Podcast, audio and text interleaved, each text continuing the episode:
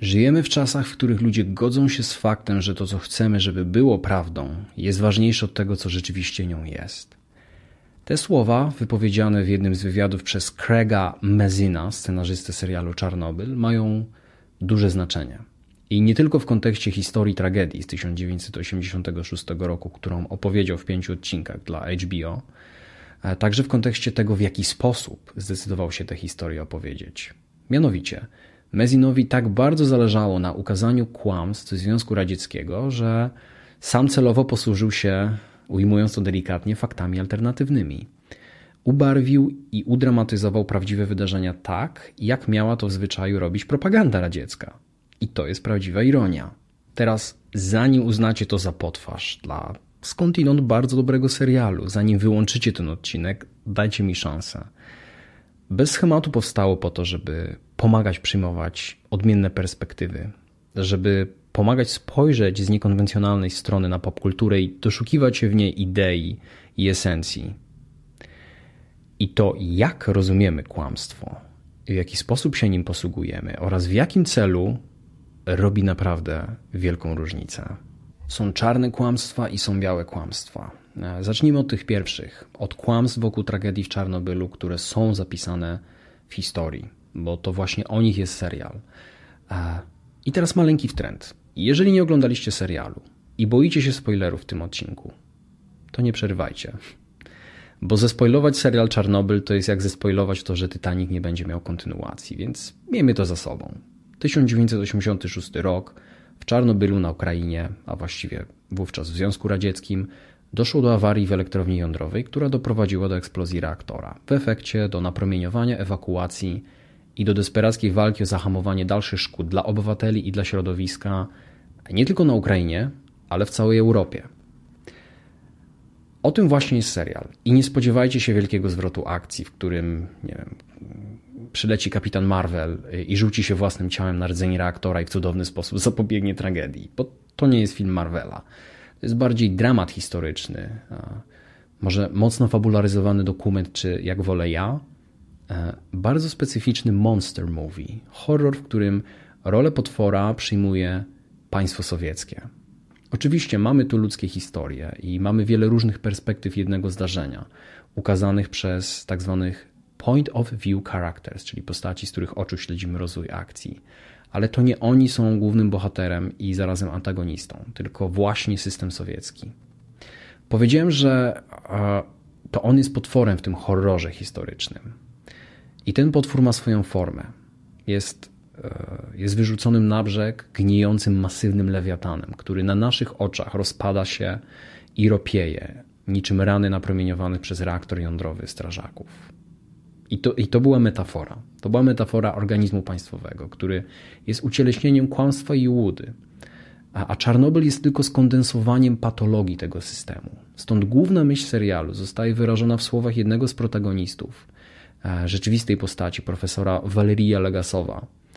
E, I brzmi ona: What is the cost of lies? Jaką cenę płacimy za kłamstwa? Dlatego scenarzysta Craig Mazin prezentuje w Czarnobylu różne rodzaje kłamstwa. Mamy kłamstwa ciche, przyziemne i powszechne, jak e, na przykład machnięcie ręką na fakt, że detektor promieniowania, którym dysponują pracownicy elektrowni, ma limit 3,7 rentgena, a zatem nie może pokazać więcej.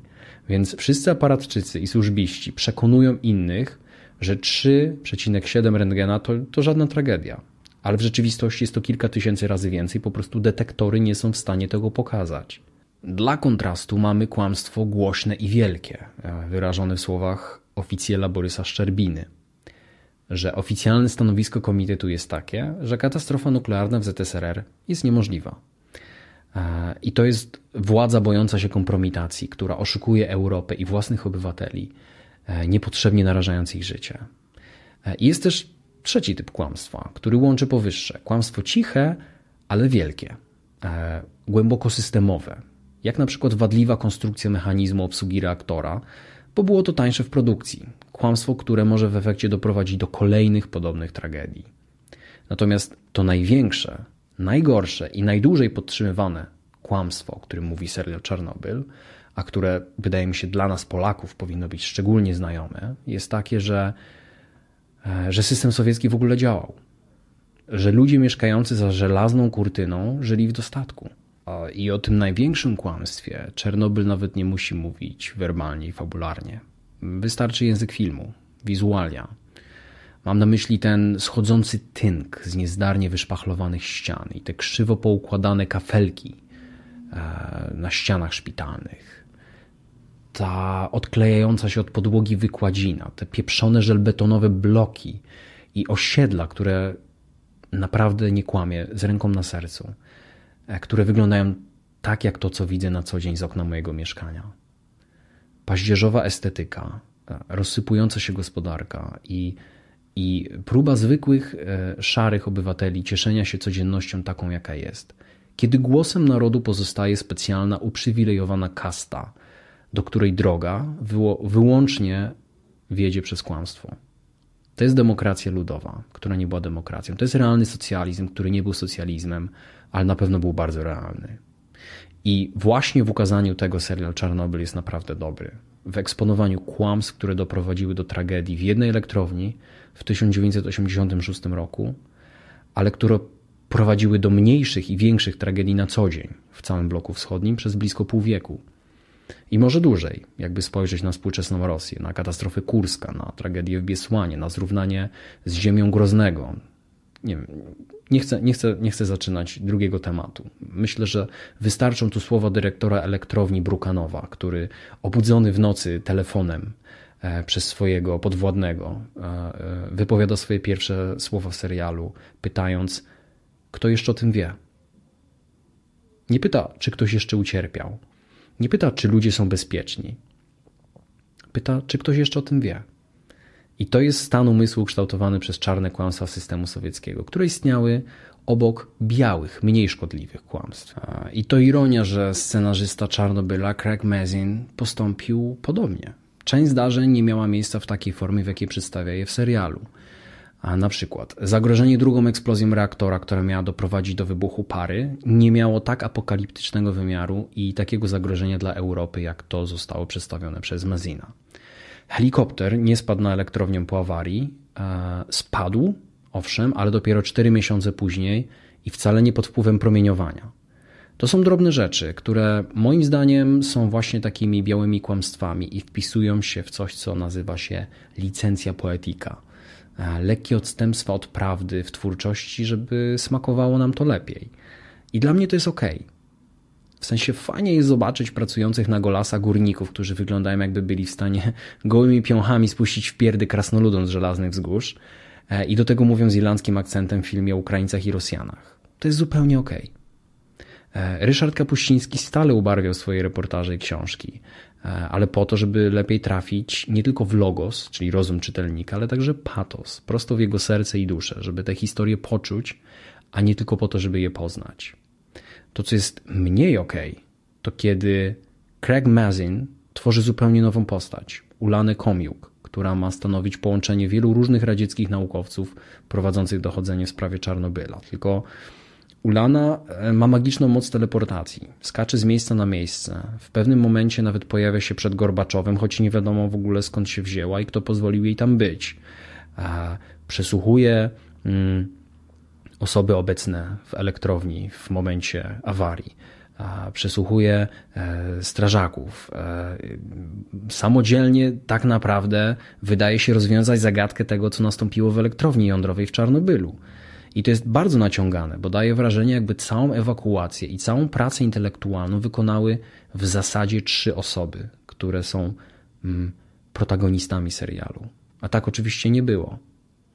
I nieco gorszym kłamstwem Mazina jest także to, że jedna z tych osób, jedna z tych trzech osób, które są protagonistami, profesor Walerii Legasow, jest tym, który nie godzi się na kłamstwo. E, który podczas rozprawy sądowej obnaża słabość Związku Radzieckiego, to znaczy wskazuje na błędy w projekcie reaktora i niedoskonałości systemu. E, można powiedzieć, że wchodzi w buty sygnalisty, a nawet męczennika, bo wie, jakie będą tego konsekwencje. A następnie, chronologicznie, a właściwie na samym początku serialu, popełnia samobójstwo, zostawiając po sobie nagrania mówiące o kłamstwach Czarnobyla. E, profesor Legasow był postacią historyczną i popełnił samobójstwo ale nie był sygnalistą. nie był naiwnym naukowcem, który nie mógł pogodzić się z kłamstwami ZSRR. Nie. To dzięki temu, że rozumiał, jak ten system działa i dzięki temu, że trzymał się linii partii komunistycznej, zyskał tytuł profesora. I nigdy nie wypowiedział słów, które w jego usta wkłada Craig Mazin, który chyba usilnie potrzebował umieścić w swojej historii e, krystalicznie czystego bohatera. Tym samym Mazin e, mówi, że w systemie, który premiował bierność i posłuszeństwo, tak daleko zaszedł ktoś tak naiwny i z natury rebeliancki. A tak nie było. Zaszedł tam tak daleko, bo rozumiał, jak ten system działa. Więc czy to jest nadal tylko białe kłamstwo? Nie umiem na to odpowiedzieć. W swojej krytyce znacznie dalej ode mnie posuwają się m.in. New Yorker i New York Times w dwóch świetnych artykułach. Ja już pozostawiam to Waszej ocenie, ale chcę zakończyć ten materiał pewną myślą. Naciąganie prawdy może być dobre dla historii i przekonuję się o tym nawet wtedy, kiedy w towarzystwie opowiadam jakieś anegdoty. Tylko tak długo, jak nie zmienia to istoty przekazu. Craig Mazin stąpał na krawędzi, zakładając, że nie zamierza robić nudnego dokumentu, który obejrzy niewiele osób, więc woli opowiedzieć wersję fabularyzowaną, a do tego musi no, nadużywać swojej licencji artystycznej do zabawy faktami alternatywnymi. Ale dokumenty nie muszą być nudne. Jakby samo założenie było błędne. I zachęcam Was do eksperymentu. Obejrzyjcie te dwa dokumenty, które są przeciwieństwem słowa nudne. Taśmy Teda Bandiego na Netflixie i również tam Wild Wild Country, dziki, dziki kraj o sekcie Osho. I wówczas spróbujcie sobie wyobrazić, jak mógł wyglądać film dokumentalny o Czarnobylu, który o kłamstwach opowiadałby wyłącznie z pozycji niepodważalnych faktów. Jest masa wątków, których już nie dotknąłem w tym materiale, jak to, że serial ten może negatywnie zmienić podejście ludzi do energii atomowej. Moim zdaniem błędnie. Albo jak ciekawie mówi o katastrofie wywołanej przez człowieka. Albo na przykład jak ten film wypada na tle filmu Deepwater Horizon, który dzieje się w Stanach Zjednoczonych e, na platformie wiertniczej. Ale to już zostawmy sobie na dyskusję w komentarzach. Zachęcam Was do tego, żeby subskrybować bez schematu, jeżeli oglądacie to na YouTubie albo w wersji podcastowej. Wielkie dzięki dla moich patronów. Możecie także wspierać moją twórczość, możecie dostać więcej fajnych benefitów poza samymi filmami. A będąc w grupie VIP, wystarczy, że wesprzecie na niewielką kwotą mnie na Patronite bez schematu. I chyba muszę jeszcze dzisiaj posiedzieć i nagrać wrażenia z ostatniego sezonu Black Mirror, bo nie chciałbym stracić efektu świeżości.